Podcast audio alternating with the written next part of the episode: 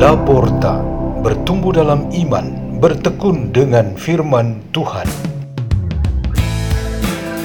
Radio Laporta, pintu terbuka bagimu untuk pertumbuhan pengetahuan dan kebijaksanaan tentang Allah.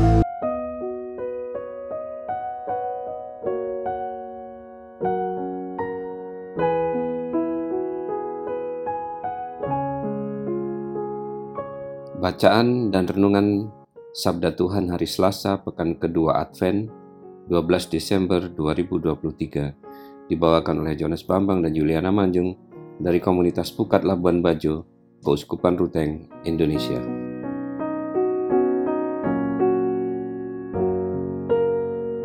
Inilah Injil suci menurut Matius bab 18, 12 sampai 14. Yesus berkata kepada murid-muridnya, "Bagaimana pendapatmu jika seorang mempunyai seratus ekor domba dan seekor di antaranya sesat? Tidakkah ia akan meninggalkan yang sembilan puluh sembilan ekor di pegunungan, lalu pergi mencari yang sesat itu? Dan aku berkata kepadamu, sungguh, jika ia berhasil menemukannya, lebih besarlah kegembiraannya atas yang seekor itu daripada atas yang ke-99 ekor yang tidak tersesat. Demikian juga Bapamu yang di surga tidak menghendaki seorang pun dari anak-anaknya ini hilang. Demikianlah sabda Tuhan.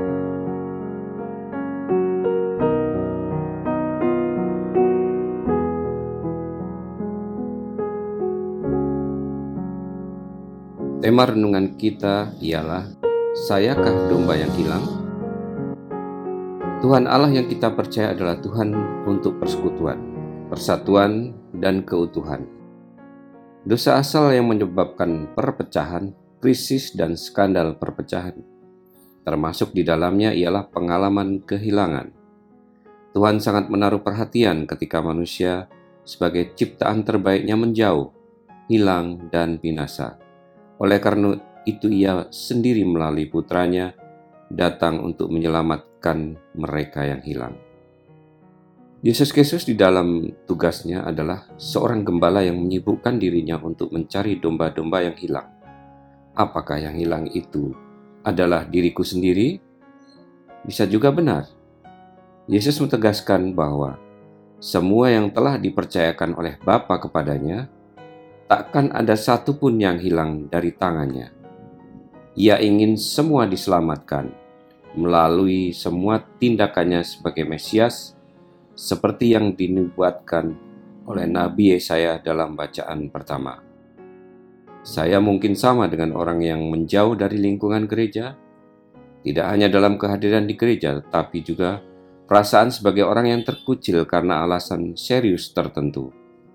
Mungkin sama dengan orang yang mengalami kalau Tuhan tidak berpihak pada keluarganya dengan kesulitan dan penderitaan silih berganti menimpa. Ia lalu berhenti berdoa. Mungkin saya sama dengan orang yang lebih baik menyingkir dan tidak mau lagi terlibat karena sakit hati dan putus asa. Dan masih banyak lagi keadaan serupa yang menggambarkan ada banyak domba yang hilang dari gereja. Ini adalah satu pihak dari masalah. Sayakah domba yang hilang itu? Di lain pihak, pertanyaan ini menjadi serius. Apakah sesamaku di dalam kandang, dalam hal ini gereja, peka akan hal ini lalu berusaha membawaku pulang? Jawabannya ialah iya. Yesus yang akan mengambil langkah pertama.